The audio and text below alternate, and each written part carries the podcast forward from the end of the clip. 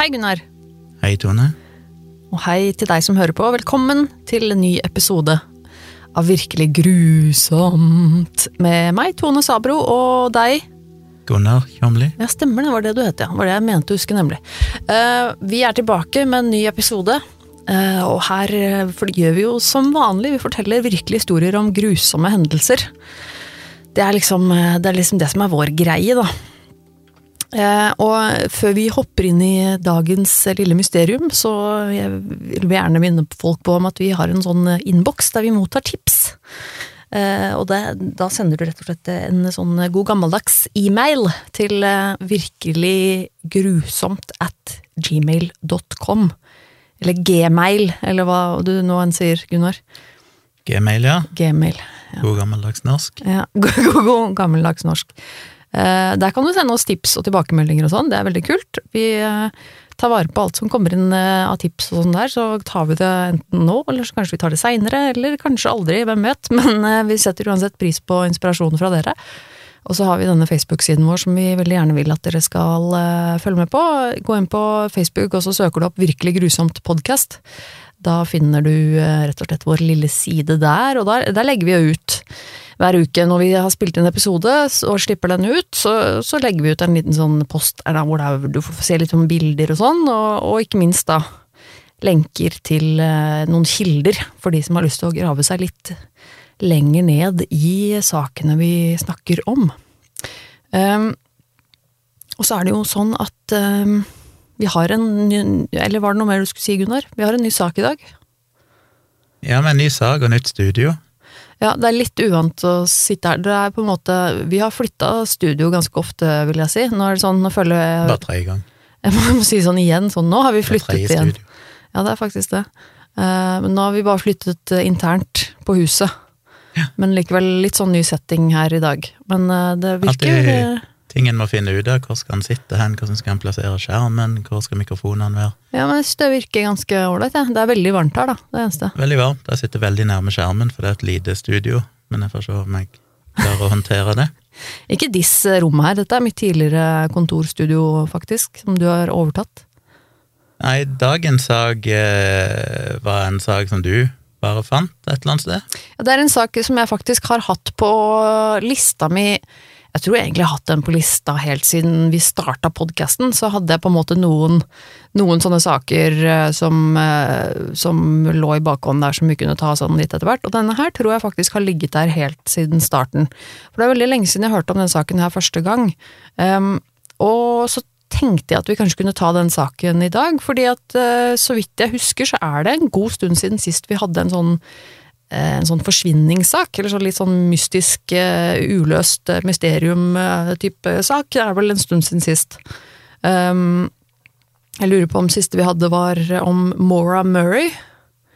Uh, I hvert fall, eh, i hvert fall har jeg uh, hatt med, hatt med den saken til bordet før i denne podkasten, og den begynner jo å bli en stund siden vi snakket om Maura Murray, men det også var en sånn sak hvor hun plutselig forsvant.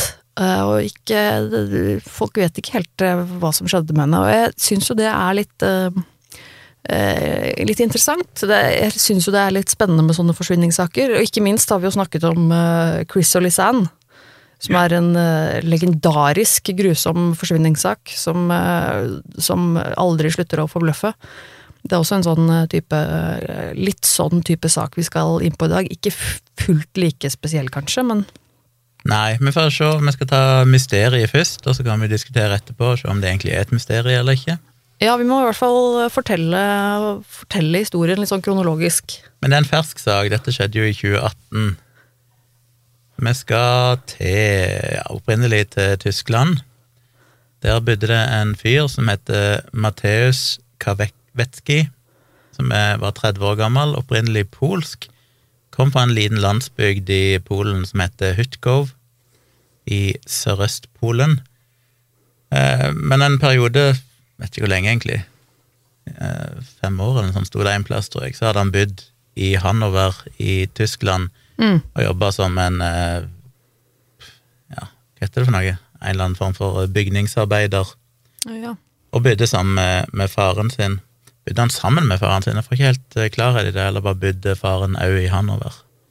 Nå, jeg ja. Nei, det, det er litt Jeg tror ikke han bodde sammen med faren sin. Ja, det Eh, er heller ikke det. Her, I denne har lest flere artikler her, men i denne står det living, 'lives with his father'. Jeg vet ikke om det betyr at de bare bodde i samme by. Uansett. Jeg har i hvert fall hørt at, øh, at, at faren også bodde i Hanover, ja. Men jeg tror ikke de bodde sammen. Nei, litt Det er ikke så relevant uansett, kanskje. Jeg mistenker at de kanskje gjorde det, Ja, ok. på grunn av litt andre ting jeg har lest, men uansett. Eh, faren jo, ja, jobba da i Hanover. Og denne Matteus, han har et avstandsforhold med sin polske eh, forlovede, som òg er gravid. Mm. Og hun bor i en eh, jeg, Nå snakker jeg i presens, plutselig. Hun bodde i en by som heter Lipia Gøra, eller Gåra, eller noe sånt, Mm. i Nordøst-Polen. Ja, og da er det jo på en måte Da må du på en måte se for deg europakartet, så ser du for deg Tyskland, og så ligger jo Polen helt inntil, altså ved siden av Tyskland, til høyre for, for Tyskland når du ser på kartet. Og så uh, Hanover ligger jo på en måte Er ikke det litt sånn midt i uh, Tyskland, litt sånn nord for midten Eller husker jeg helt feil nå? Jeg er veldig dårlig i tysk eh, Ja. geografi. Måtte jeg faktisk bare hive opp Google Maps her i full fart for Ja, gjør det. Plassere Hanover. Mulig jeg husker feil nå. Men Hanover ligger eh, egentlig i nordvest, ikke så langt ifra Danmark, mot Nederland, Danmark. Danmark. det er såpass langt, ja. Altså, også den landsbyen, på en måte, eller det stedet i Polen der eh, Mateusz eh, kom fra, eller bodde, da, sammen med sin samboer, var jo da i Polen, så det er jo på, på helt andre siden av, av landet og inn i Polen, og så var det på en måte ganske mange timer å kjøre, da. Det ble jo et godt stykke unna. Og så var det sånn at han hadde noen foreldre, altså familien hans bodde litt lenger sør i Polen. Ja. Forloven Forloveden hans er veldig nærme å føde. Det er kanskje bare dager til hun skal føde. Og Matheus finner ut han skal ta og besøke henne og prøve å være der mens hun, eller når hun føder. Ja. Så han tenker han skal kjøre der. Han har en ganske gammel bil fra 1998, en BMW 525, og skal kjøre da fra Hanover til denne plassen bor, som heter Lipia Gora i Polen. Og planen av en eller annen grunn er å kjøre etter jobb, men da ganske seint. Han skal starte Eller han starter halv tolv, altså en halvtime før midnatt, den 28. mars 2018 og skal da egentlig kjøre hele natta, for det regner å være en ca. sju times kjøring, altså man sikkert ha litt pause og sånn, så han regner med å være framme i åtte-ni-tida på morgenen neste morgen. Mm. Det er 641, nei 647 kilometer å kjøre, så det er et, eh, Det er et godt stykke. Ja. Men så begynner det å skje mystiske ting. Han reiser altså da tilsynelatende halv tolv den 28. mars. Neste morgen så er det ingen som hører på han, så faren hans tar rett og slett og ringer telefonen hans klokka halv elleve på formiddagen, altså 29. mars, og spør hvor han blir av, og da sier sønnen, eh, altså Matteus, at det var forferdelig trafikk, det var masse kø og greier. Han hadde stått stille omtrent, eller i hvert fall blitt to timer forsinka bare i, i, i trafikk, eller køer på veien, Ja, for nå har han fordi jo, det hadde vært noen ulykker og sånn på veien. nå har han jo brukt veldig lang tid, da, for at han skulle, ifølge det han sa selv, så skulle han dra da klokken halv tolv på natta, og så skulle han være framme da på morgenen en gang, men nå er klokka allerede halv elleve på formiddagen, og han er ikke kommet Ja. fram. Eh, så akkurat på det tidspunktet så var han i en by som heter Sjes- Sjeskin S-Z-C-Z-E-C-I-N Sjesin, et eller annet sånt, Ja. på det tidspunktet. Og Chessin er en by som ligger omtrent på grensa mellom Polen og Tyskland, eh, på vei mot Lipiagora, men han er fortsatt da 214 km å kjøre, så det er fortsatt eh, godt og vel et par timers kjøring før han er framme. Hmm. På denne grenseovergangen mellom Tyskland og Polen så er det ikke noe, den er ikke bemanna. Så det er ikke noen folk der, de blir ikke sjekka, men det er kamera og sånn som kan eh, lese av bilskilt og sånn til de som passerer. Omtrent på det tidspunktet faren ringer, så sender han òg en tekstmelding til forloveden sin og sier egentlig det samme til henne, at eh, han er forsinka, men han kommer til å være der i om, omtrent to timer. Men det er da det siste de hører ifra han. Da han ikke dukker opp etter to timer, så blir jo folk litt sånn uh, bekymra. Og eh, den forloveden hans begynner å ringe han, prøver å ringe, prøver å få tak på han, spør hvor blir han av, og telefonen ringer, så den er åpenbart på, men det er ingen som svarer. Mm. Så utpå ettermiddagen så tar hun kontakt med søstera til Matteus, som òg bor i Hanover, eh, omtrent klokka fem på ettermiddagen.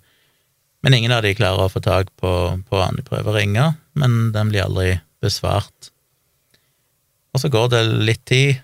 Utpå kvelden så tenker de nå om vi gjøre et eller annet, så mora til Matteus går til politiet. Eh, Men de sier at eh, det er for tidlig egentlig å rapportere han som vekke. Det kan være mange grunner til at han ikke dukker opp og sånn, så de kommer ikke til å, å registrere han som forsvunnet ennå, eller starte noen sak. De må vente litt. Så eh, familien som da bor både i Tyskland og i Polen, de ender jo opp med å vente litt, men så rapporterer de han igjen da som forsvunnet, både i Tyskland og Polen. Problemet er jo dette her da med hvem som har myndighet, og det er et problem i denne saken. For det, når de rapporterer han som forsvunnet i Tyskland, så sier de at tysk politi at de kan egentlig ikke gjøre noe, for det, det er jo i Polen han er blitt borte. For det siste de hørte fra han, var jo at han hadde passert grensa og var i Polen. Så derfor måtte egentlig polsk politi ta seg av det. Men eh, da familien tar kontakt med polsk politi og spør om de kan spore mobiltelefonen hans, som åpenbart hadde vært på ei god stund, Mm. fordi de hadde jo ringt han og hørt at det ringte, selv om ingen tok han, så sa politiet at det kunne de ikke gjøre fordi at han hadde et tysk SIM-kort, og dermed kunne de ikke spore han, hevda de, som er egentlig litt rart. Men Ja. tysk politi kunne heller ikke spore telefonen, fordi han da tilsynelatende var i Tyskland, så de ville, nei, i Polen, så de ville ikke gjøre noe, så det ble liksom en catch-22 da de egentlig ikke kom noen vei. Ja, så virker det som egentlig det her At politiet bare eh, fraskrev seg alt ansvar. At det var litt sånn Politiet i Polen sa at nei, dette er tysk politis problem, og samme med tysk politi sa at dette var polsk politis problem. Og det jeg fikk vel inntrykk av at familien var veldig frustrert over dette her, og at de fikk inntrykk av at, at de ikke fikk noe hjelp. Altså, nå var jo Matheus savnet, de ante ikke hva som hadde skjedd med han, de fikk ikke tak i han, og de fikk ikke noe særlig hjelp fra politiet. Så de kom ikke noen vei med det, og familien ble jo veldig frustrert, og de begynte til slutt å prøve å finne ut av dette sjøl. Så de fant ut de skulle rett og slett eh, kjøre hele den ruta han hadde tatt, og følge den. Gå inn i alle sidegater, sjekke med alle bensinstasjoner, se om noen hadde sett denne bilen hans eller kjent igjen han. Spurte om det fantes noen, video, noen overvåkingskameraer de kunne se. Eh, og i de plassene han sa han hadde vært, eller denne her byen da i Polen og dette her, så, så posta de plakater med bilder av han og sånn, og sa at han var forsvunnet, var savna. Mm. Men det førte ikke fram til noen ting som helst. Først seks måneder seinere så skulle det plutselig skje noe som var litt forstyrrende.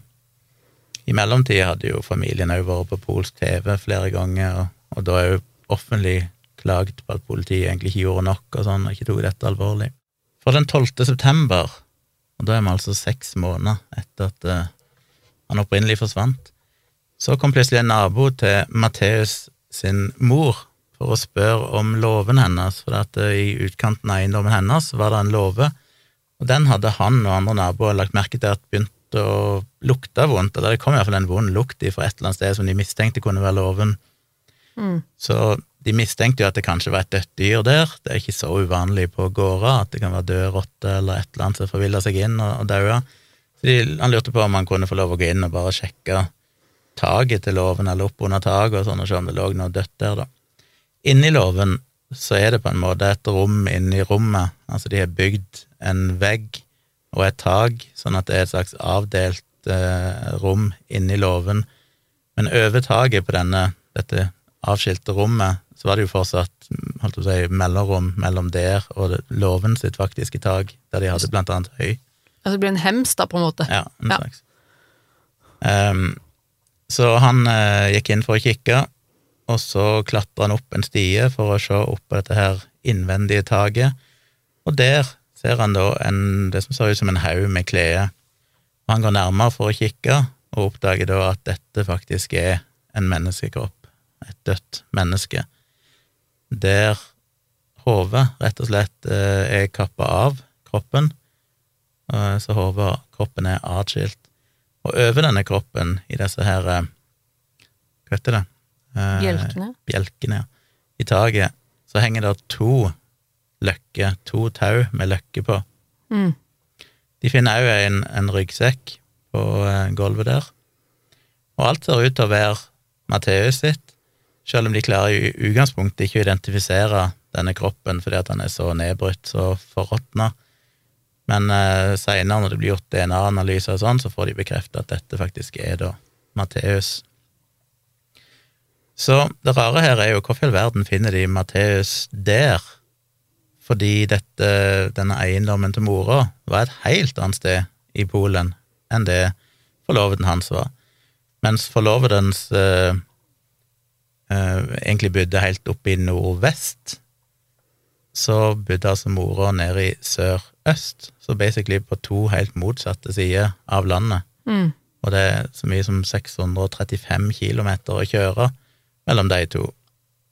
Så hvordan i all verden han endte opp der, var jo et mysterium, når han egentlig skulle da, et helt annet sted i landet.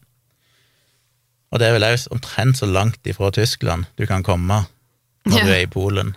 Han altså har kjørt så langt som det er mulig å komme, og fortsatt være i Polen. Så politiet, da de ble kontakta, så konkluderte de veldig fort med at dette var selvmord, og egentlig bare etter de hadde vært og henta liket og, og henta den ryggsekken og det de fant, så hadde de det en kort periode, og så ga de bare det tilbake igjen til familien, og så hadde de ikke noe å egentlig undersøke. Mm. Det syns ikke familien var så veldig tilfredsstillende. De spurte jo blant annet burde dere ikke sjekke låven bedre, kanskje det er noen, noen bevis, kanskje det er et eller annet dere kan finne der. Men da sa de at det var altfor mye arbeid. Det ville sikkert ta de et par uker å gå gjennom alt høyet som er der. Mm, ja, for det var jo Så på en måte en, en, et høyloft da, da, egentlig, så det var jo på en måte høy som lå rundt på hele, oppå den hemsen på en måte, og selvfølgelig kunne det jo ligget eh, bevismateriale rundt omkring der, ingen som visste hva som hadde skjedd her, men det var de visst ikke interessert i da. Så fire dager etter at eh, de hadde funnet liket hans, så valgte familien å gå inn i, i låven og begynne å lete litt rundt i høyet for å se om de klarte å finne noe. Og da fant de en av skoene hans med en fot fortsatt inni, som jeg tror lå i høyet et sted, uten at det fremkommer helt. Så det viser jo at politiet hadde ikke gjort så veldig god jobb med å prøve å finne bevismateriale og sånn. Kunne de klarte klart å overse en, en sko med foten hans i, som lå der. Ja. Eh, I tillegg, når de fant dette liket, så var det et par andre mystiske ting. Det ene var jo som sagt at hodet var kutta av, men òg at han mangla en del av tennene sine, og de hadde satt seg fast egentlig på brystet hans i det som ligna på blod, så det liksom hang tenner fast i klærne på brystet hans Mm. i noe størkna blod eller et eller annet. Så, så var det jo òg det de mente var ganske mye blod, eller iallfall flekker med blod på klærne hans. Eh, I denne her sekken hans så var de òg litt sånn, stussa de òg litt på det de fant, for inni der så fant de en polsk vannflaske som var fylt av sigarettstumper, og de fant òg en boks med appelsinjuice, men familien til Matteus sier at han aldri drakk appelsinjuice, til og med at han kanskje til og med mislikte det. ja. Men eh, politiet gjorde ikke noe videre undersøkelse. Det eneste de senere fant, var at det var ikke DNA fra noen andre personer på noen av eiendelene som de fant. Det var kun Matteus sitt eget DNA. Og så er det et annet mysterium her, og det er jo at eh, denne bilen hans er jo aldri noensinne blitt funnet igjen. Det var sånn det var, ja. Så de har jo, jeg vet ikke hvor aktivt de har leid etter den, men det er iallfall ingen som har meldt den inn, verken i Polen eller Tyskland. De fant heller ikke bilnøklene til bilen på Matteus da de fant liket hans. Nei. Um, ja, så Det er jo eh, litt spesielt, skulle jo tilsi. Ja. Altså, det er jo det eneste de fant som kanskje var i nærheten av å ligne på noe som kunne være interessant, det var at de fant eh, mobiltelefonen hans blant tingene hans. Og når de sjekka den, så fant de at eh, det var gjort ett anrop ut ifra telefonen. Mm, Og det var 30. mars, så hadde han ringt sin onkel, men den samtalen så ut til å bli avbrutt på mindre enn ett sekund, så mest sannsynlig så var det en feiloppringing Mm. eller et eller annet, en buttcall eller noe sånt som bare ble Ja, for onkelen hans hadde jo ikke visst dette, for at på hans side så hadde ikke samtalen kommet ikke koblet gjennom. Så han hadde ikke ringt på en måte hos onkelen hans, Nei. men hadde bare lagt på på en måte før han kom igjennom, da, på et vis. Så det er jo også litt sånn Så de fant altså eh, liket hans til slutt, etter seks måneder. Men det de syns er rart her, da, det er jo at dette liket, hvis han hadde hengt seg sjøl, så ville det liket visstnok ha vært synlig. Denne låven hadde blitt brukt flere ganger, både av dem og visstnok òg av naboer som av og til var inne i, i låven for å legge ned ting og lagre ting og sånne ting. Mm. Og de mener at hvis det hang en kropp opp under bjelkene i taket der, så ville det ha vært synlig Ja. ifra bakken, men ingen hadde sett den. Eh, allikevel så er det jo rart da, at de hadde jo rapportert denne naboen sa jo det hadde lukta vondt der helt siden juli. Men allikevel så er det jo i perioden juli til september, så var det allikevel ingen som sa de da hadde Jeg vet ikke om de aktivt hadde leid etter noe, jeg tror ikke de hadde det, men de hadde iallfall ikke sett noe lik der inne, naturlig nok. Da hadde de vel sagt ifra om det.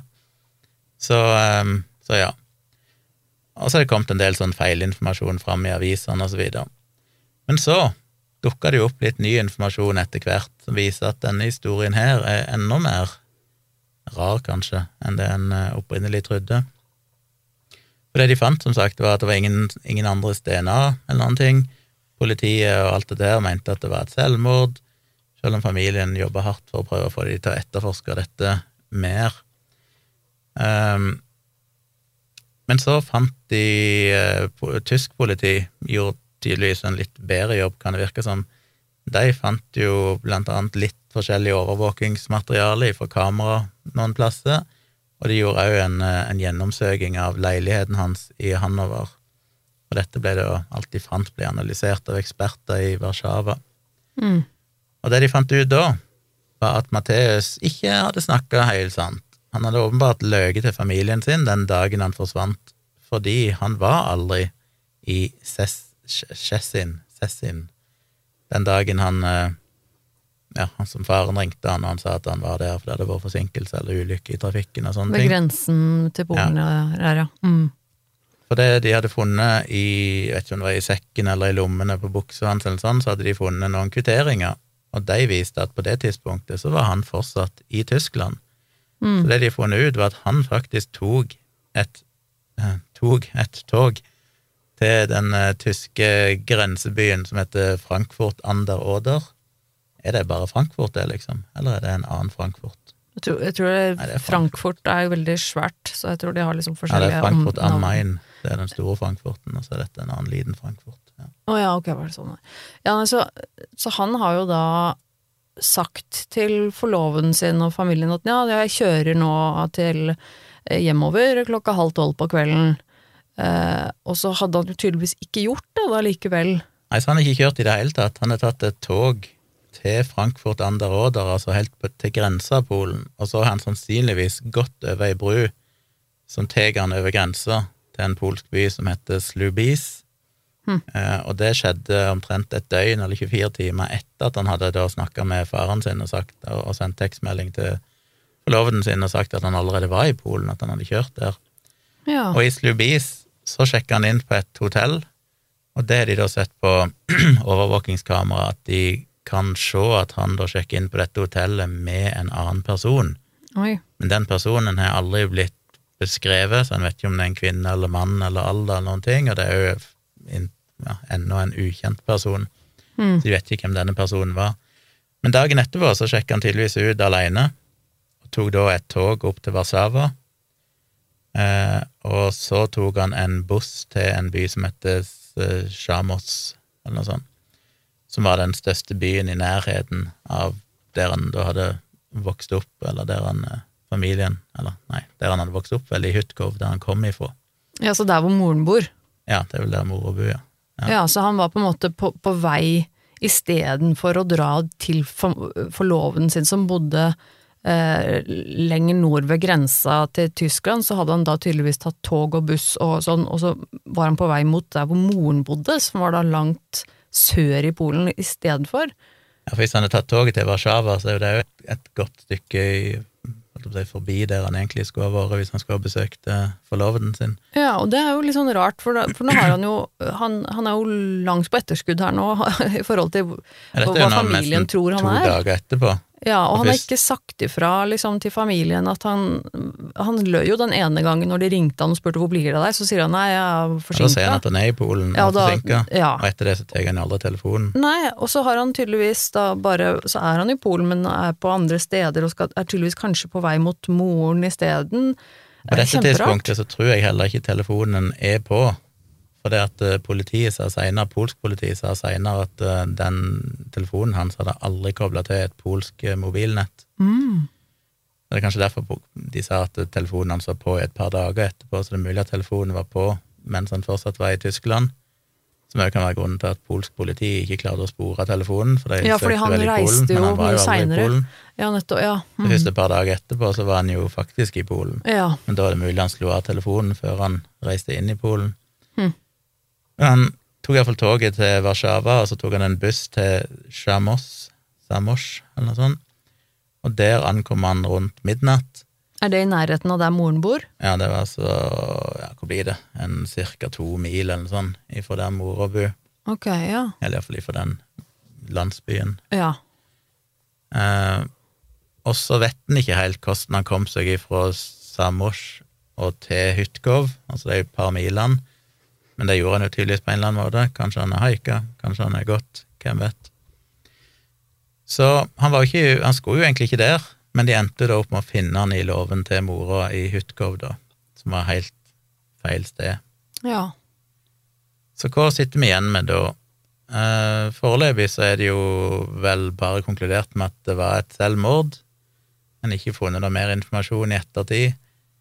Så for å oppsummere det som er rart, jeg skal komme til om det egentlig er så rart, men det som tilsynelatende er rart, det er jo det at hodet var kappa av, eller i hvert fall delt ifra kroppen. Tennene var falt ut, en fot var falt av. Han sjekka inn på dette hotellet med en eller annen fremmed person. Mm. Bilen er aldri blitt funnet igjen.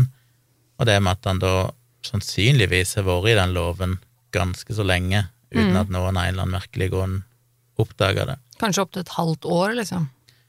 Selv om familien deres argumentasjon er at han, at han må ha blitt plassert der i seinere tid, fordi at de ville sett han hvis han var der. Eh, Så, ja. så det er egentlig historien. Eh, En tilsynelatende mystisk historie. Altså jeg er litt usikker på hvor mystisk han egentlig er, hvis en begynner å, å grave litt. Jeg har lest flere varianter av historien, og vi har sett uh, YouTube-video, og jeg har lest ganske mye kommentarer i, ja, som folk har diskutert forskjellige teorier og sånn, og det er jo ekstremt mye teorier som ute og går, Mm. men ja. Eh, Da jeg hørte om den saken her første gang, så uh, hadde ikke de siste detaljene der kommet fram ennå. Uh, så det er helt nylig nå at jeg hørte om, om de siste detaljene, det med de at de hadde funnet ut dette med tog- og bussbilletter. Eh, at de har klart å At han allerede reiste til Polen på det tidspunktet. ja, altså. at, han hadde klart å, at de har klart å spore reisen hans på den måten. Jeg er litt usikker på hvor tid det egentlig kom fram, hvor lenge lang tid det tok, for det er liksom aldri helt funnet ut, men eh, vi vet det iallfall nå.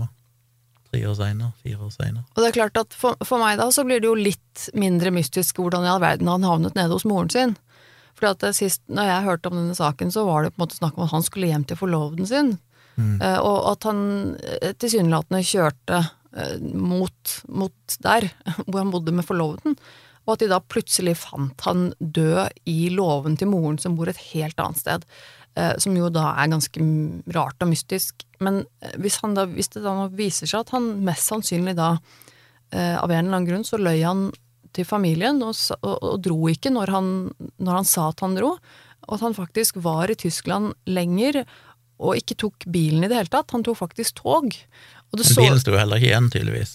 Nei, bilen er borte. Det er også selvfølgelig litt eh, rart. Eh, Men at han da tydeligvis har kanskje vært på vei mot hjembyen til, altså til der hvor moren bor, da, istedenfor å dra direkte til der hvor han bodde med forloveden sin.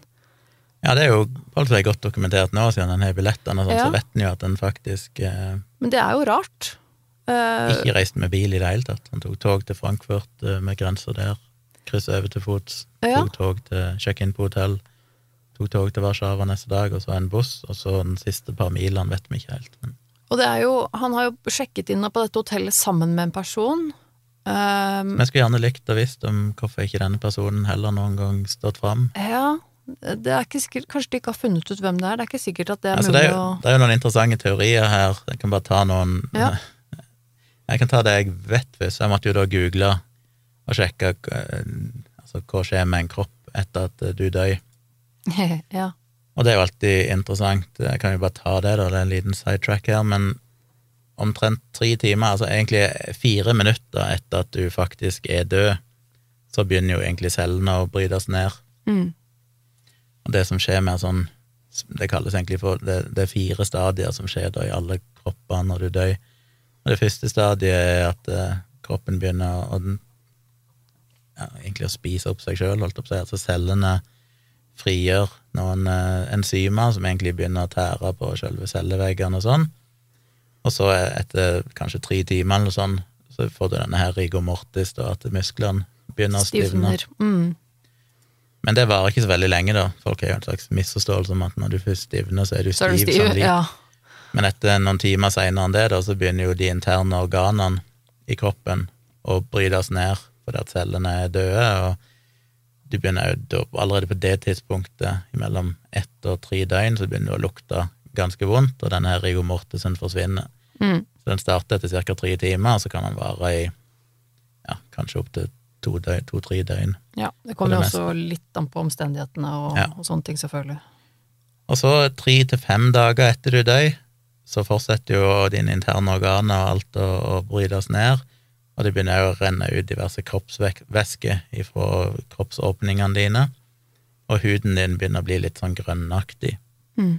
Åtte til ti dager etter du dør, så begynner kroppen å endre seg ifra å være grønn til å heller bli rød, for da begynner blodet å brytes ned, og det begynner å bygge seg opp gasser i kroppen, sånn at kroppen kan svulme opp til å bli omtrent dobbel størrelse ifra det som man egentlig er.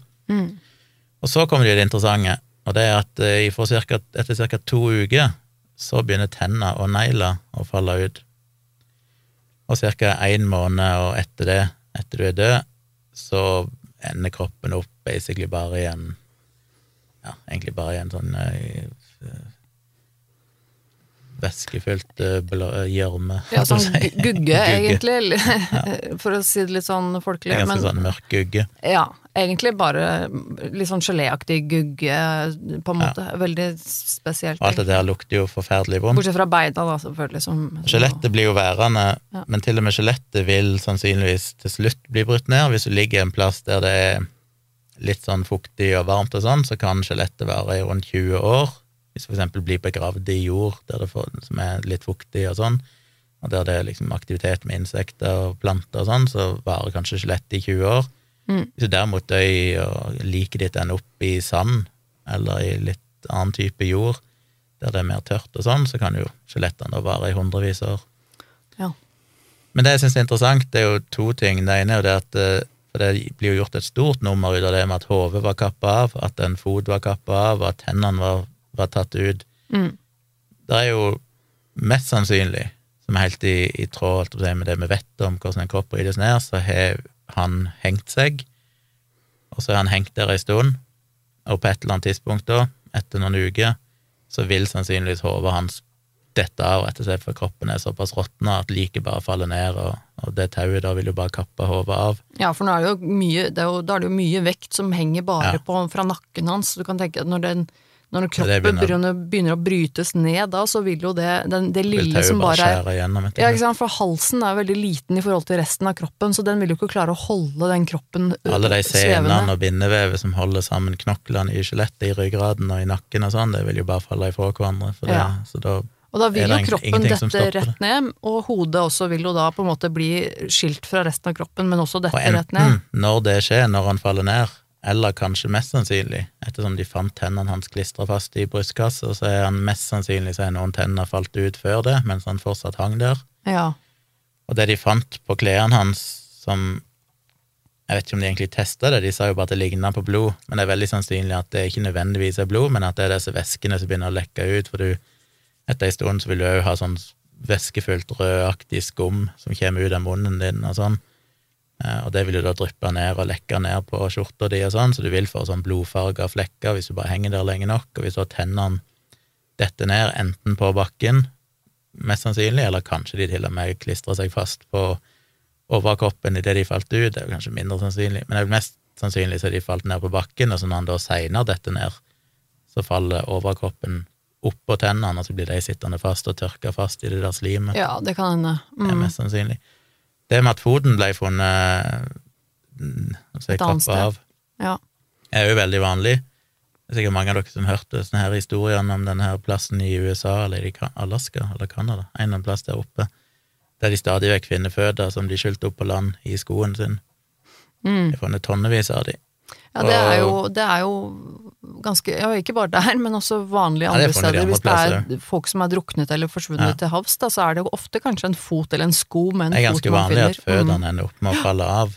Ja. Så vidt når kroppen brytes ned, så ser det ut til at kanskje et av de leddene helt der nede i ankelen eh, ryker ganske fort. Så ingenting av disse funnene er egentlig så veldig merkelige.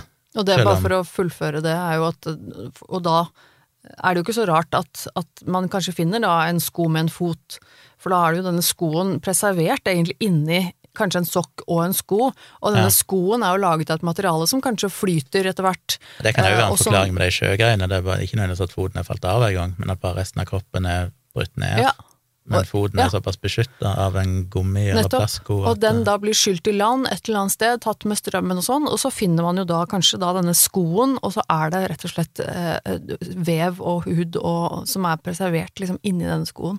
Det at foten eh, ble funnet tydeligvis ikke rett ved kroppen, men kanskje under er høy, kan jo, er jo mest sannsynlig fordi noen rotter eller fugler eller et eller annet tar tak i Det kan jo være mye dyr. Ja, Det kan være mye eh, og skjære og ja vaskebjørner eller Ja. grevling, altså det kan være mye Hvis de kommer seg opp der, da. Men iallfall rotter og fugler som kommer seg for lett opp på det taket der, Ja. eller katter for den saks skyld.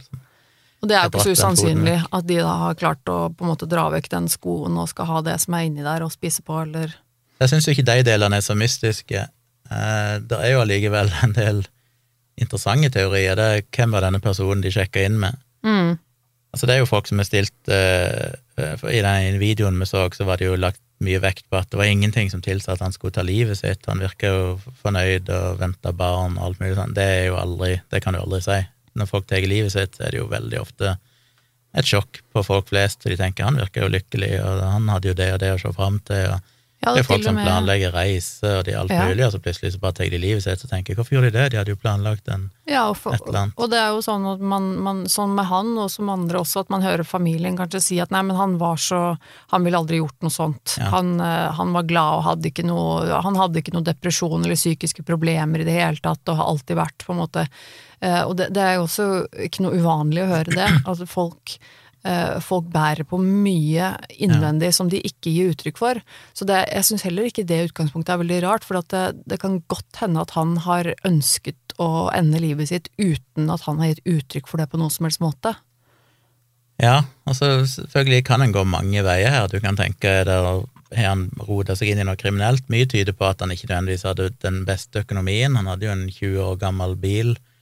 Mm. Eh, Han bodde da sånn vidt jeg tror kanskje sammen med faren. Ja. Jobba jo i en jobb som sikkert ikke er verdens best betalte. Noen spekulerer i at kanskje han har rota seg inn med noen kriminelle. Mm. eh, Et eller annet eh, narkotika, et eller annet annet, og så har det skjedd noe. Noen vil jo selvfølgelig da fri det til at han ble drept av dem og partert for å sende et signal og bla, bla, men det gir jo ingen mening. Hvorfor i all verden skulle de da transportere han helt til motsatt side av Polen og dumpe han i låven til mora, liksom? Ja, og i tillegg så ha dumpa han i et vann eller en trening med. Ja, ja ikke, ikke sant. Og, men ikke minst også det at uh, hvis et, en menneskekropp er partert, så er det ofte ganske lett å se på, Ja. på kroppen i ettertid. At det, at det kan man oppdage, at her er det på en måte deler som er bevisst partert. Um, Hvorfor var det to løkker i taket? Noen har jo sagt eh, det er forskjellige teorier der. Det ene er at noen mener at han først prøvde å henge seg én gang, og så er han Mm. feila, han falt ut, og at det var da tennene ble slått ut, og han begynte å blø og sånn, at det forklarer det de tilsynelatende blod og løsna tenner. Det kan Mm. jo selvfølgelig være, men det virker egentlig ganske unødvendig hypotese, for tennene vil falle ut uansett når du råtner og sånn. Ja. Eh, Så noen mener at det var to forsøk, og derfor de fant to løkker. Ja. Noen andre mener at han har kasta et tau over, altså bundet ei løkke i begge endene, og så har han brukt den ene til å på en måte holde seg oppe med mens han festa. Så ja, han liksom sluppet tak i et eller annet sånt, jeg vet ikke. Eller så kan Ikke- det jo hende at han rett og slett bare eh, prøvde å knyte igjen, og så Ja, tenkte han ikke at den var bra nok, og så bare gjorde han det en gang til. Det er Liksom. ofte veldig sånn helt Eller veldig sånn eh, Enkel ja, enkle og Forklaringer, uskyldige forklaringer på sånne ting. Eh, hvorfor ble ikke bilen funnet? Det kan være mange årsaker. Noen spekulerer i at hvis du er planlagt å ta livet ditt, så er det ganske mange som velger å selge eiendeler sånn i forkant, kvitte seg Mhm. med det de eier. Kan være han rett og slett bare solgte bilen. Men hvis han hadde solgt bilen, så hadde den jo mest sannsynlig blitt funnet, for da vil den jo på en måte bli Ja, eid. og det er noen som skriver at i Europa så er det jo veldig vanskelig å kvitte seg med en bil, Ja. du må avregistrere den eller omregistrere den. Men, men det er jo ikke helt usannsynlig at han har solgt den til Kriminelle, kriminelle, kanskje? ja, eller Ja, bare noen som bare vil ha bilen, liksom ikke helt legalt. Ja, det er jo eh, veldig Det er jo et stort marked for det i Europa, og i Øst-Europa i, eh, så, så er det jo stor marked for akkurat det der med med å, eh, med å kjøpe gjerne også stjålne biler, faktisk, og, og, og, og, og ta dem fra hverandre, eller selge dem på svart marked, eller selge dem som deler og sånn. Det var en Så gammel bil, så det er jo ganske Ja, det- viss sannsynlighet for at den kunne bli brukt som delebil til Ja, så det kan godt hende at han, hvis han hadde noen kontakter, eller kanskje bare ville kvitte seg med den bilen, så kanskje han solgte den til noen som rett og slett bare ødela den. Altså tok eh, fra hverandre bilen, og da er det jo klart, da vil den jo ikke være sporbar etterpå. Selvfølgelig kan han ha kjørt den ut i en innsjø eller et eller annet sånt og så blir han funnet en gang i framtida, men det virker nok som unødvendig mye styr han heller kanskje mer sannsynlig bare har solgt den, eller at han bare har parkert den en plass med nøklene i, Ja. og så er bare noen funnet den og tenkt den her tar jeg med og bruker til deler, eller Ja, eller at den bare tilfeldigvis ble stjålet. At han dro fra bilen sin, at den ble stående igjen, men at han, det var tilfeldigvis noen som faktisk stjal bilen hans og del, så, solgte den for deler, for eksempel. Man vet jo aldri.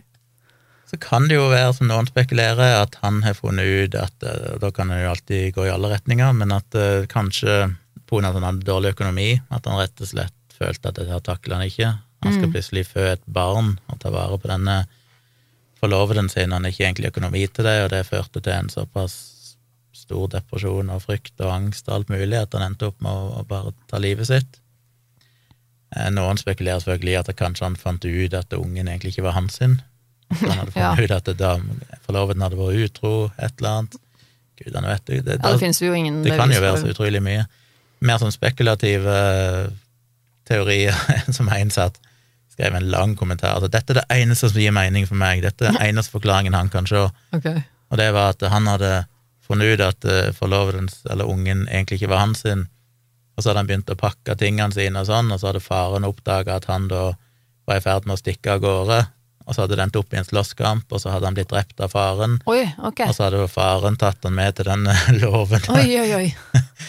Og, det, Ok. og den, det at faren påstod at han hadde ringt han da halv elleve dagen etterpå, bla, bla, bla, det var bare en dekkhistorie. Nettopp, ja. Jeg tror ikke det er så veldig god grunn til å anta at det skulle være sant, selv om det er flere som sier det må være faren som har gjort det. Oh, ja. Ingenting annet som bygger opp under det i det hele tatt, så det tror jeg ikke.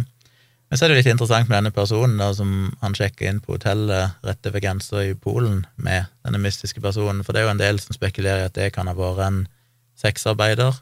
Mhm. Det kan det ha vært. Eh, denne her landsbyen som han kom ifra, Hytkov, er jo visstnok i en del av Polen som er veldig sånn religiøs, veldig fattig. Mm. Vi vet jo at sånn som i Polen, så er vel rundt en tredjedel av Polen er, jo, er det forbudt for homofile. Mm. Det er en LGBTQ-fri sone, rett og slett, som presidenten har erklært. Kan, vi vet jo ikke om det var kvinne eller mann. Kanskje det var en mann. Kanskje han sjekket inn med en mannlig prostituert. Kanskje det. Kanskje det er blitt oppdaga eller et eller annet. Han kunne, det er såpass mye skam knytta til det at han ikke kan Jeg vet ikke. Ja. Altså, det er forferdelig mange veier en kan gå her. Men det som er åpenbart, er jo iallfall at det virker jo ikke som at han noensinne hadde noen plan om å faktisk besøke sin forlovede. Nei. Så dette er jo, for det, han, han kjørte jo aldri av gårde i sin egen bil, han endte jo opp med å ta et tog Ja. 24 timer seinere enn det han opprinnelig sa han reiste, og alt dette her. Og ikke i retning av der Nei. hun bodde i det hele tatt. Så dette er jo åpenbart noe han har planlagt på et eller annet vis. Noen spekulerer selvfølgelig i at hvis han har tenkt han skal reise Altså, hvorfor, han, hvorfor tok han livet sitt så langt vekke, da, og ikke bare i Tyskland, eller noe sånt? Så er jo folk der kanskje han vil tilbake igjen til et sted han følte seg trygg, der han hadde vokst opp, der han hadde gode minner ifra, at han ville ta livet sitt der. Ja. Og kanskje denne personen han sjekker inn på hotellet med, som vil forklare kanskje hvorfor denne personen aldri har stått fram siden, er at det var en sexarbeider, kvinnelig eller mannlig, og at han rett og slett bare ville gjøre et eller annet sånn som en sånn siste greie, ha en Ja. seksuell opplevelse før han skulle ta livet sitt. Mm, Kanskje han solgte bilen sin for å få penger til det, for alt vi vet. Altså, ja, det kan hende. det er jo en del potensielle forklaringer her som ikke er helt uh, obskure. Jeg tenker jo også at det, det kan hende at denne personen som han møtte på hotellet, var Det er også en teori at det kan være at han skyldte penger, eller at, han, at det var en, eh, en eller annen person som han uh, trengte å gjøre opp for seg med Mm. uh, på veien hjem. Og så at, at han hadde da tydeligvis kanskje eh, mye, mye problemer og hadde havnet Han kan ha mye gjeld, ja. Kanskje derfor han solgte bilen og sånn. ja, at han hadde kvitt seg med bilen, eller gitt bort bilen for å gjøre opp for seg kanskje for noe, eh, men at det ikke var nok. Kanskje han da møtte denne personen som han skyldte noe penger eller noe sånt på veien, eh, men at han, at, at han ikke kunne gjøre opp for seg, at han rett og slett var så langt nede i, i et sånt sort høl at han ikke orket å leve mer. Og jeg, jeg tenker jo at det, det, det kan jo ikke være helt det er jo i så fall ikke så rart, hvis han har havnet i en sånn situasjon. Og så det at han dra, da drar hjem og, og tilsynelatende da tar livet av seg i låven til moren, er kanskje ikke så rart. For da tenker jeg at da, da har han kanskje en slags eh, et, et, en tanke om at han blir funnet. Ja. Eh, om at det er noen som kjenner han, som vil finne han og gi han en begravelse. Jeg trodde kanskje ikke det ville ta så lang tid. Nei, ikke sant, for, at det, for, det kan jo, for alt vi vet så kan det godt hende at den kroppen hans har hengt der lenge, og at Og det, det bare viktig. er tilfeldig at de ikke har lagt merke til det. Ja, det er viktig å huske på at det som mange påpeker, at eh, når det gjelder forråtnelsesprosessen og sånn, oppunder taket på en sånn låve Mm. På en sommer som visstnok i Polen var veldig varm den sommeren 2018, At da går det fort. så er han basically bare kokt der oppe. Altså. Ja. altså Det tar ikke lang tid før du blir brutt ned til ingenting, så det trenger Nei. ikke tatt så lang tid fra han hengte seg, Til kroppen rett og slett datt ned. Ja. Og hvis de akkurat i den perioden, og det Ikke var vel har vært der så mye. Dette var i april og sånn, så det er ikke Ja, sikkert de brukte sommeren, loven ja. i april. Mm. Og kanskje allerede i mai så falt han ned. Mm. Når de da kanskje begynte å bruke loven i mai-juni, så var han allerede falt ned, og da ser Ja. du han ikke lenger. Ja. Jeg tror det, han kan ha leid der lenge. jeg. ja, så det kan godt være helt tilfeldig at de ikke har oppdaget han, eh, kroppen hans, eh, før, før da. Det som er litt rart, er den ene artikkelen jeg leser inne på Reddit, Unsol- Unresolved Mysteries, er noen som har skrevet ut en historie. Mm. Det er jo da posta 26. oktober 2019, altså over et år etter at de fant han. Men i den versjonen så har de fortsatt ingen informasjon om disse kvitteringene, at han faktisk aldri reiste, kjørte til Polen, alt dette her. Oh, ja. Det betyr, virker det samme her de lenker til masse kilder, sånn, ingen av de nevner det. Nei. Så åpenbart kanskje mer enn et år etterpå, før den informasjonen kom fram, og det skjønner jeg ennå ikke helt hvorfor det Hvis de fant det i lommene hans, eller i sekken hans, Gjorde de det? ja, hvor ellers skulle de finne det? Han, de kan ikke ligge i leiligheten hans når han tross alt eh, Nei, men, men det kan hende hvis de Hvis de, hvis de eh, under etterforskningen eh, kommer opp på en eller annen måte at han har kjøpt en, en billett digitalt, og så har de full, fulgt det sporet. Altså hvis, hvis de først finner ut at oi, han betalte for en billett på det og det toget den den datoen, oi, hvor skulle det toget, og så eh, undersøker de da hvor dette toget, og så kommer de videre. og så det, kan jo hende at, det kan jo hende at de har funnet ut på den måten, og det tar jo lang tid. I så fall Kan være, men eh, så vidt jeg skjønte det, for det jeg ikke leste, var det fysiske papirkvitteringer. Ja, okay. ok. Det var, men det har jo også blitt hintet til at politiet ikke har Ja. gjort en veldig grundig jobb. Det var det en kommentator som jeg så skrev, som var fra Polen, og sånn, og han sa at politiet i, denne delen av Polen iallfall er jo helt ubrukelig. Ja, At de rett og slett ikke når det er gadd ute i bygdene ute Ja, på landet okay. og sånn, så er det ganske så håpløst. Så At det var først kanskje da etter et år hvor de, hvor de fortsatt fikk litt press på seg, da, så kanskje de på en måte gjorde noe, og så fant de ut det så lenge etterpå. Det er ganske Ja, det kan jo hende, selvfølgelig. Og det var jo sånn at søstera til Matteus hun gikk jo ganske hardt ut mot disse politioffiserene som hadde vært og, ja, som hadde vært mest involverte i starten, Mm. og som ikke ville gjennomsøke loven og sånn, for det tok for mye tid å gå gjennom alt høy og alt dette her. Herregud. Eh, De ble jo faktisk eh, granska, og da fant de at ikke de hadde De, de møtte ikke standarden for eh, criminal negil... negil... neg... negilent... neg- Negligence. Negligence. Klarte ikke å si det ordet. Eh, okay, Ok, så de si? Så de hadde ikke vært så eh, uforsvarlige, på en måte. men de fikk en reprimande, da, så de fikk på en måte en liten skade i lakken, men det Ja. var ikke noe mer enn det. ja. Så de var jo enige da om at de hadde kanskje ikke gjort jobben sin helt så bra som de burde, Nei, men det var ikke Det var ikke liksom Hva er det norske ordet? Eh, det mislighold eh, hvis du Criminal neg- negligence. Ja. ja i alle fall. Jeg husker ikke i farta. Så Jeg tenker jo at uh, det er ganske sannsynlig Min teori, da. Dette er jo Jeg tenker eh, hva som, hva som har skjedd her. Uh, det er jo at han har uh, Jeg tror at han har tatt livet sitt. Um, at han hadde noen grunn til å ønske å dø. Og det, det kan jo være 100 millioner forskjellige grunner til at noen velger å gjøre det.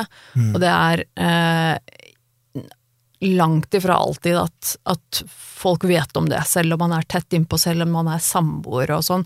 Eh, og selv om han eh, skal bli far og tilsynelatende alt er veldig hunky-dory, så, så er det ikke helt Så er det ikke utenkelig at han kanskje egentlig eh, ikke ønsket det i det hele tatt, at han rett og slett var på et helt annet sted eh, mentalt. Kanskje han har havnet i trøbbel. Eh, eh, altså, det, fins eh, det fins mye kriminelle miljøer i, eh, i Øst-Europa, i Polen, Tyskland, eh, innenfor diverse diverse bransjer som det er sikkert ikke så vanskelig å havne borti hvis du er på en måte Så litt desperat på penger, eller det kan jo være tilfeldig, men jeg tenker jo at siden det skjedde rett før den ungen skulle bli født, så, så føles det jo litt som at det kan være en sammenheng der, at det var det som bikka han over, at han eh, ikke ønska det. Han ikke, kanskje det Ja. betydde at han måtte flytte tilbake til Polen, og Ja, det ville han ikke, eller ja, noe sånt. Enten det, at han, at han på en måte hadde en følelse av at han angret, eller at det var noe han ikke ønsket, eller eh, så kan det også styrke eventuelt en teori om at han hadde havnet i trøbbel. Da. At han ville ta livet av seg selv for å kanskje tenke for at da deg. for, for å skåne kjæresten og sitt nye barn, da. Mm. For, at, for represalier eller hva det skulle være. At han ikke ville dra med seg sine problemer til, til dette nye barnet, eller Jeg altså, skal sånt spekulere, så kan det være noen som sier at hvis ikke vi får de pengene, så går vi til forloveden din og, og barnet ditt, og så vil han beskytte deg, og så finner jeg ut at jeg bare ta livet av meg sjøl, så blir iallfall ikke de involvert. Ja, noe sånt noe. Jeg tenker i hvert fall at det, det, er, mange, det er mange mulige, Uh, mulige scenarioer som ikke er helt urealistiske til at han skal kunne ønske å ikke leve lenger. Og da virker det som om han da kanskje har tenkt at han ikke vil gjøre det i Tyskland. Eh, kanskje han ikke på en måte vil dø i Tyskland. Det er, jo, det er jo mange grunner til at man kanskje ikke ønsker å dø i et annet land enn der man kommer fra. Han vil sikkert bli gravlagt Ja. eh, hjemlandet sitt og hjembyen sin, kanskje. Det kan bli vanskelig hvis de, hvis de må på en måte betale for frakt av ditt og datt og under, altså, alt mulig rart. Så han tenker kanskje at ok, nei, men da er det bedre at jeg reiser hjem.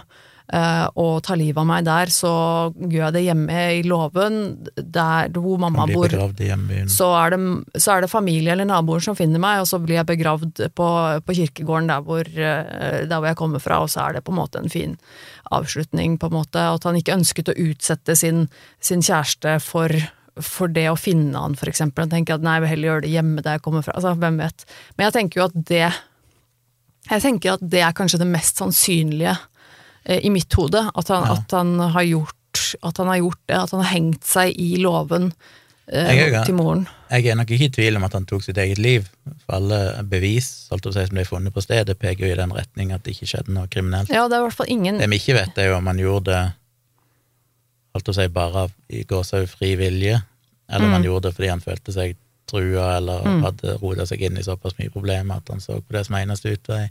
Mm. Altså, hadde det noe med hans egentlige mental state å gjøre, eller var det bare en nødutvei fordi han ville skjerme noen andre, eller noe sånt? Jeg klarer ikke helt å se Det er en interessant historie fordi at når du begynner å lese artikler og ser YouTube-videoer og sånn, så blir folk veldig konspiratoriske. mm.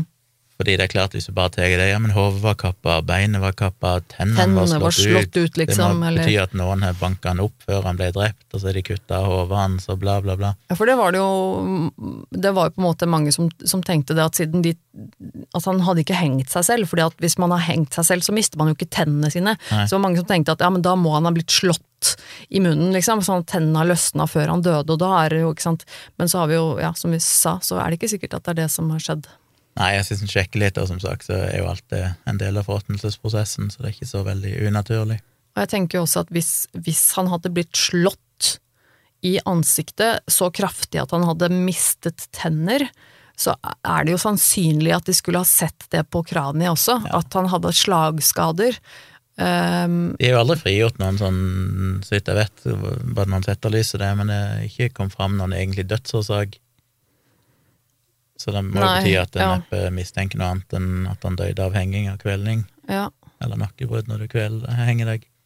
Eh, ikke at det var noe annet som har skjedd, for da regner jeg med det ville komme fram.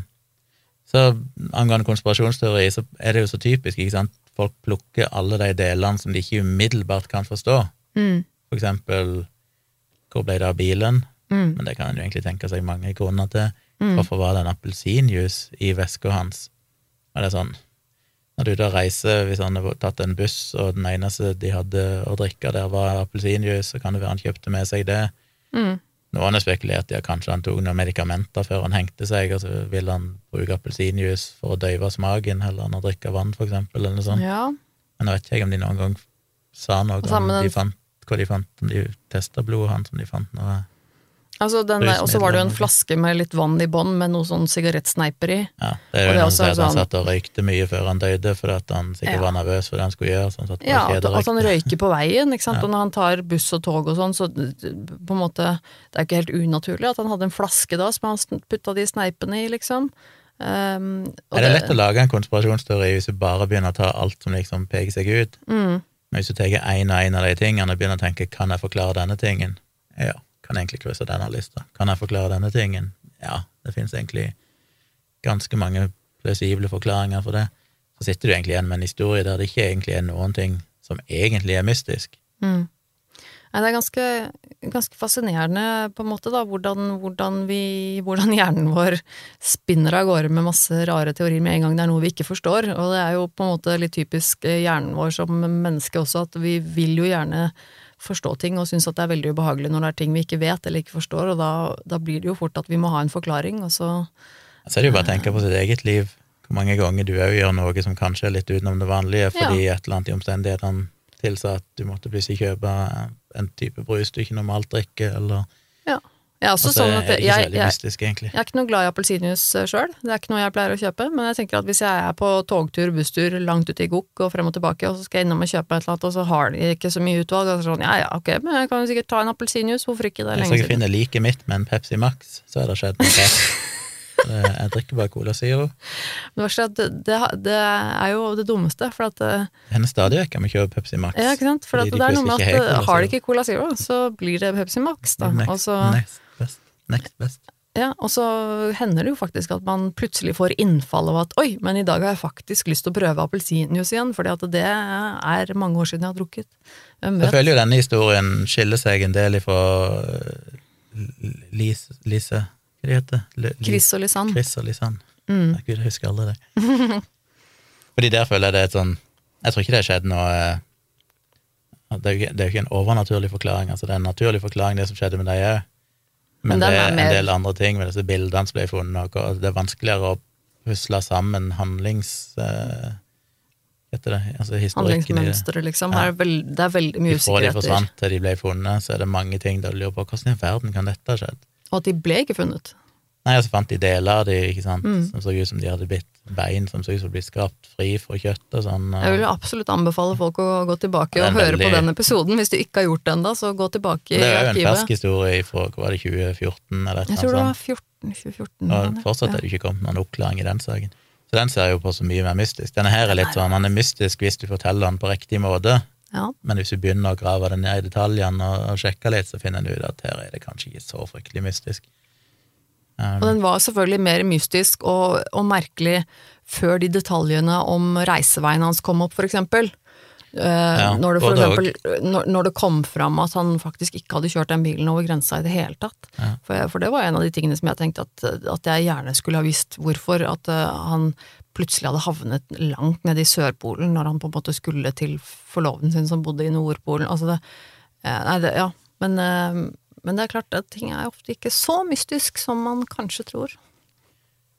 Så da gjenstår det jo å rangere den. Det er jo litt vanskelig med denne historien. Ja, altså det er jo ikke en, det er ikke en fryktelig grusom historie. Eh, Det er jo selvfølgelig veldig trist, da. Og det er jo et menneske som, eh, som tar livet av seg, som alltid er veldig, veldig trist. Eh, Og det er jo ikke noen tvil om at familien hans nok har blitt helt knust på grunn av det som har skjedd og sånne ting. Må jo sies at Men, eh, en, noen spekulerer jo at en av grunnene til at familien Altså, politiet gjorde jo åpenbart en dårlig jobb, Mm. men at det nok òg var veldig At de så langt de kunne ville unngå å slå seg til ro med at han hadde tatt livet sitt, fordi Mm. at det er så skamfullt i den religiøse delen av Polen. Ja, det er det jo. At Det det, er liksom ikke noe de vil erkjenne seg, og det kan òg være en grunn til at de kanskje ikke nødvendigvis snakker helt sant angående det med loven, da de hevder at de hadde brukt loven flere ganger om sommeren, og de ville ha sett den og sånn. Noen Å, ja. sier jo kanskje at kanskje de egentlig ikke gjorde det, Ja, okay, de bare sånn, vil ikke ja. akseptere at han kan ha hengt der så lenge, at Nei. de liksom er litt ansvarlig for at de ikke noen gang gikk og sjekka der, eller at ikke de brukte loven. Mm. Så de vil heller gi et narrativ der de sier ja, men de var jo inne i loven, og vi ville sett han hvis han hang der, så dette Ja. må være noe kriminelt. For de vil bare ikke anerkjenne at egentlig så hengte han seg bare der, og så har han hengt der i flere måneder. Og det er jo egentlig nesten en ting som gjør hele saken enda tristere. Det er jo at det, det å ta livet sitt, det, altså at selvmord er et så stort tabu og så skambelagt, eh, at de familien på en måte ikke engang kan klare å takle at det kanskje er det som har skjedd. Mm. Det er jo kjempetrist bare det i seg selv, egentlig. Um, men um, nei, eh, den havner vel kanskje på en um, tre. Ja, jeg vet ikke om jeg vil gi den så mye en gang.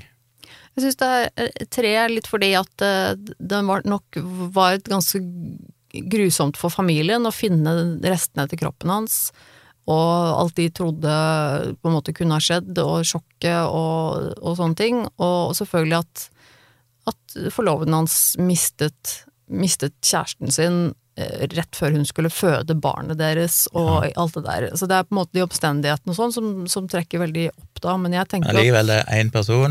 Det var ingen som ble drept, han tok sannsynligvis livet sitt sjøl. Ja, vi kan jo selvfølgelig- anta det. Ganske sannsynlig så gjorde han det. Jeg vil gi det en, eh, en toer Ja. på grusomhetsskalaen. Og så vet jeg ikke om han hører hjemme på noen annen skala. Kanskje har vi en mystikkskala, eller hva vi kaller den. Han er jo på et eller annet sted der òg, for det er jo ting her som er litt sånn rart. Hvorfor gjorde han det? Så Hvorfor vi gjorde har en fascinasjonsskala, en grusmennsskala og en mystikkskala. Ja. Det blir mye skala vi har etter hvert. totalskala.